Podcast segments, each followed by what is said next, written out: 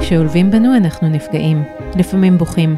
לפעמים אנחנו גם בוכים מאושר, מהדבר הנפלא שקורה לנו עכשיו. למעשה, אנחנו החיה היחידה בטבע שבוכה בגלל רגש. חיות אחרות יכולות לדמוע כי נכנס להן משהו לעין, וכלבים, למשל, כן מייבבים בצורה שמזכירה לנו בכי, אבל לא יורדות להם דמעות מהעיניים בגלל עצב ותסכול. זה כנראה ייחודי לבני אדם.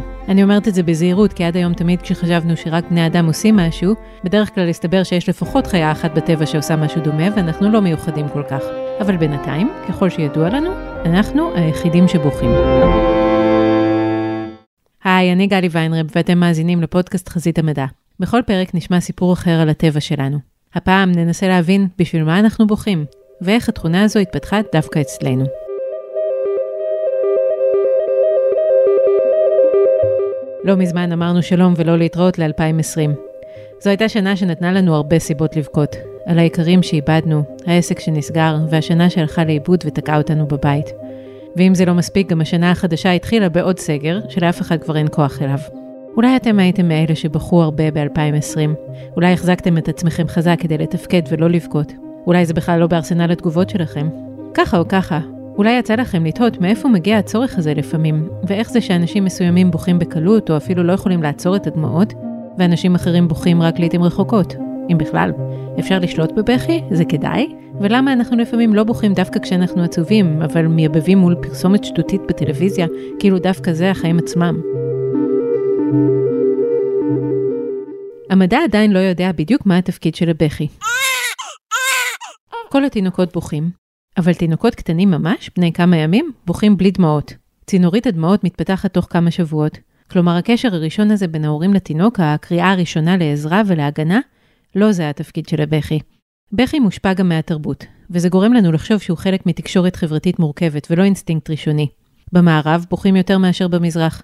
נשים בוכות יותר מגברים. נשים במערב בוכות בערך פעמיים עד שלוש בחודש. גברים בוכים, כמה אתם חושבים? פעם אחת בכל החיים? או רק כשהם ילדים? טוב, לפי המחקר, גברים מערבים בוכים פעם בחודש בממוצע. הגברים באמת בוכים בלילה כנראה.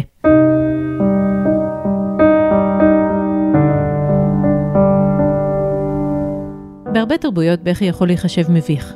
בחלק מהתרבויות הוא גם מעורר רגשות אשמה. בתרבויות שבהן זה ככה, באמת בוכים פחות. במזרח הנשים בוכות פחות, והפער המגדרי קטן יותר. כלומר, נשים וגברים כובשים את הבכי ונכנעים לו בערך באותה מידה. אז הבכי הזה הוא חלק הכרחי מהחיים, צורך של הגוף, או צורת הבעה שחלק מהתרבויות אימצו כדי לתקשר. ומה יקרה אם לא נבכה? ומה יהיה אם נעודד את עצמנו לבכות עוד יותר? במעבדה של פרופסור אמסיר גרסנין מאוניברסיטת טיילבורג בהולנד, גורמים לאנשים לבכות בכוונה. במחקר משנת 2015, הם הקרינו לנבדקים סרטים עצובים, סוחטי דמעות. יותר מחצי מהנבדקים לא בכו, וטענו שהסרטים לא כל כך השפיעו עליהם. אבל קצת פחות מחצי כן בכו במהלך הסרט. כששאלו אותם איך הם מרגישים מיד אחרי הסרט, הם אמרו שמצב הרוח שלהם רע. אבל אחרי 20 דקות הם חזרו למצב הרוח הקודם שלהם, ואחרי 90 דקות הם הרגישו אפילו יותר טוב מאשר לפני שכל האירוע התחיל. המטרה של גרסנין הייתה לבדוק אם אנשים רואים סרטים או קוראים ספרים עצובים, ספציפית סרטים או ספרים שגורמים לבכות, כדי לשפר לעצמם את ההרגשה דווקא. התשובה היא כנראה כן, המצב רוח יורד, אבל אחר כך עולה, וזה גורם לנו להרגיש שעברנו חוויה טובה בסך הכל. אנשים שקיבלו תמיכה חברתית בזמן הבכי, הרגישו עוד יותר טוב, ונטו יותר לדווח על הבכי עצמו כחוויה חיובית. לעומת זאת, אנשים שהגיעו מתרבויות שבהן פחות מקובל לבכות, אבל בכו בכל זאת בגלל הסרט, הרגישו פחות טוב אחרי הבכי. גם אחרי 90 דקות. לפעמים אנחנו בוכים, או לפחות עולות לנו דמעות, דווקא באירועים שמחים. חתונה, פגישה עם מישהו שהתגעגענו אליו, הופעה שחיכינו לה הרבה זמן, או שער ניצחון. בעבר הייתה טענה שהדמעות האלה הן לא באמת דמעות של אושר. אולי זו הקלה בעקבות פחד שלא יתממש. לדוגמה, אם מישהו חוזר משדה הקרב, אנחנו בוכים על כל הדאגה שלנו, על כל מה שהיה יכול לקרות לו ולא קרה. אפילו בחופה, אולי אנחנו בוכים על כל האלטרנטיבות שהיו יכולות למנוע מאיתנו להגיע לרגע הזה. אבל אולי יש בכי שבאמת נובע מאושר? פרופסור אוריאנה אראגון מאוניברסיטת קלמסון שבצפון קרוליינה, טוענת שבכי יכול להיות כלי לוויסות רגשות כשהם חזקים מדי, גם אם הם טובים. בני אדם, כמו רוב היצורים בטבע, הם חיות שזקוקות לאיזון. כשחם לנו אנחנו רוצים להתקרר, כשקר לנו אנחנו רוצים להתחמם, כשרטוב לנו אנחנו רוצים להתייבש, וכשיבש לנו אנחנו רוצים לשתות מים, וכן הלאה. כשאנחנו מוצפים ברגש, זו יכולה להיות חוויה קצת מטרידה ברמה הגופנית, אפילו אם הרגש חיובי. בכי שנובע מהתרגשות אולי נועד לווסת את הביטוי הגופני של הרגשות החיוביים. זה קצת דומה למעריצות צורחות בהופעה של BTS, או לרצון שאנשים לפעמים מביעים לאכול תינוק, כי הוא כל כך חמוד שהם לא שולטים בזה. פרופסור ארגון הקרינה לנבדקים סרטים של תינוקות חמודים מאוד, או מפגשים מאושרים בין אנשים שלא התראו הרבה זמן. היא הראתה שלאותם אנשים שרוצים לאכול את התינוק, לבכות כשהחייל חוזר הביתה, או לצרוח מול המחשבה על מפגש עם סלב שהם מעריצים. פרופסור ארגון מסיקה מזה שמדובר בעצם באותו כלי של ויסות רגשי של רגשות חיוביים מדי. היא טוענת שזו בעצם תמונת מראה של הצורך לצחקק בלוויה או לחייך מול מבוכה.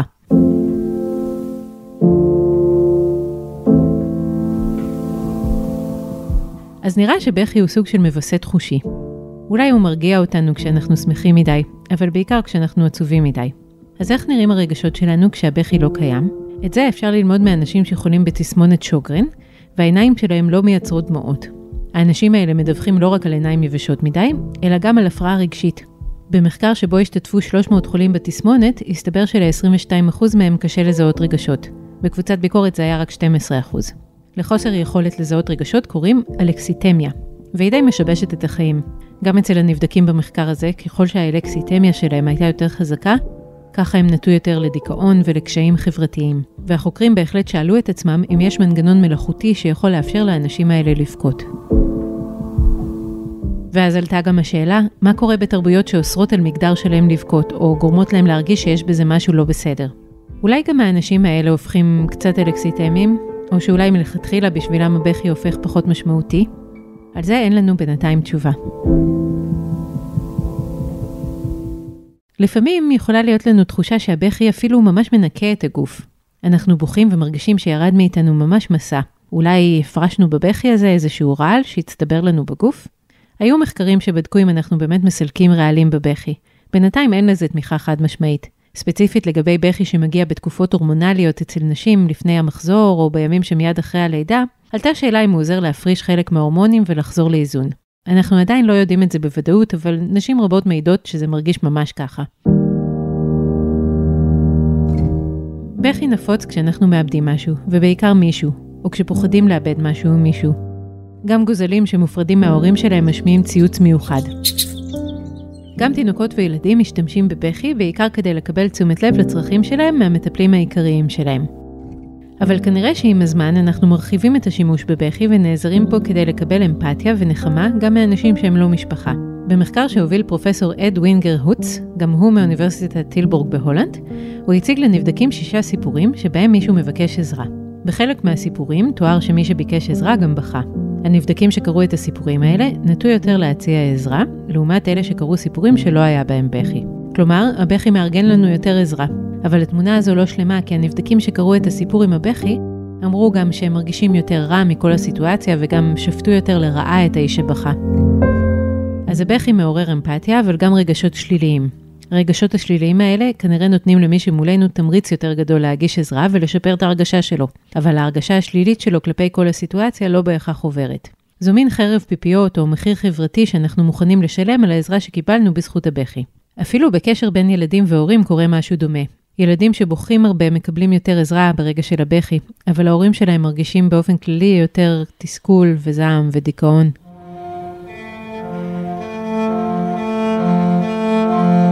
יש משהו משותף לבכי של בקשת עזרה, בכי של בדידות בלילה לתוך הכרית, בכי על הכתף של חבר טוב והבכי הנרגש בחתונה? האם הייתם קוראים לכל הסיטואציות האלה כניעה? איך זה קשור? פרופסור מריה מיסלי מהמכון לחקר הטכנולוגיות והמדעים הקוגניטיביים ברומא, ופרופסור קריסטיאנו קסטל פרנצ'י מאוניברסיטת סיינה, טוענים שהכניעה עומדת בבסיס של כל בכי, כניעה לאדם אחר או לרגשות של עצמנו. הם בנו מודל שמתאר את זה. למשל, תדמיינו שאתם מוצפים ברגשות זעם בעקבות תסבוכת בירוקרטית, אבל ממשיכים להתמודד עם הסיטואציה. לאט לאט נצבר עוד ועוד תסכול. כשאתם לא מוצאים פתרון, תרגישו שהתסכול מציף אתכם מעבר ליכולת הספיגה של הגוף. ברגע מסוים תאמרו לעצמכם, אני חסר אונים, ואז הבכי מציף. זה איתות שהמלחמה נגמרה. אותן תחושות עולות במקרה של בכי מרוב פחד. האדם מנסה להתמודד עם הפחד, והבכי מופיע כשהוא מבין שאין לו ברירה אלא לחוות את הצפת הרגש. אפשר להסביר באותה צורה גם בכי בחוויות חיוביות ומרגשות? מיסלי וקסטל פרנצ'י טוענים שכן. לדעתם התסכול במקרה של חוויות אסתטיות עוצמתיות מאוד, נובע מחוסר היכולת לתעד, להביע או לשמר את החוויה. התסכול מציף. האדם חושב איך הוא בכל זאת יכול לבטא או לאחוז בחוויות, אבל מבין שהוא לא יכול לעשות את זה, ונכנע. המלחמה נגמרה, אומר המוח לגוף, והדמעות זולגות מעצמן. אם אתם מתביישים שיראו אתכם בוכים, יש אסטרטגיות לעצירת הדמעות. קבוצת חוקרים בהובלת בריאן פרקינסון מאוקספורד ודוקטור גוונדה סימונס מאוניברסיטת ברמינגהם הציגה שאלון לכמאה נבדקים במטרה לברר באילו נסיבות הם מנסים לשלוט בבכי ומתי הם מנסים דווקא לדחוק בעצמם לבכות. מחקרים קודמים הראו שאנשים משתמשים בשני סוגי אסטרטגיות כדי לעודד או לדכא את הבכי. אחת היא שינוי בשלב הקלט, כלומר שינוי הרגש עצמו, או שנמנעים מהסיטואציה שמייצרת את הבכי, או על ידי זה שמנסים אה, לא לשים לב לסיטואציה, או לחשוב על דברים אחרים, חיוביים או סתם משעממים. או שמנסים לפרש את הרגשות בדרך חדשה ופחות מעוררת בכי. אסטרטגיה שנייה היא שינוי בשלב הפלט, כלומר להרגיש הכל, אבל לשלוט בדמעות עצמן באמצעות נשימות, בליעת הדמעות ועוד. הנבדקים במחקר הזה השתמשו בשתי האסטרטגיות והצליחו לעצור את הבכי בחלק מהמקרים. במחקר מצאו גם שהנבדקים נטו לעודד את עצמם לבכות כשהם לבד או עם אדם מוכר. הדחקת הבכי התרחשה כמעט תמיד בציבור. אבל אנחנו לא מנסים לשכנע אתכם להדחיק את הבכי. אנחנו יודעים שלפעמים הבכי משחרר.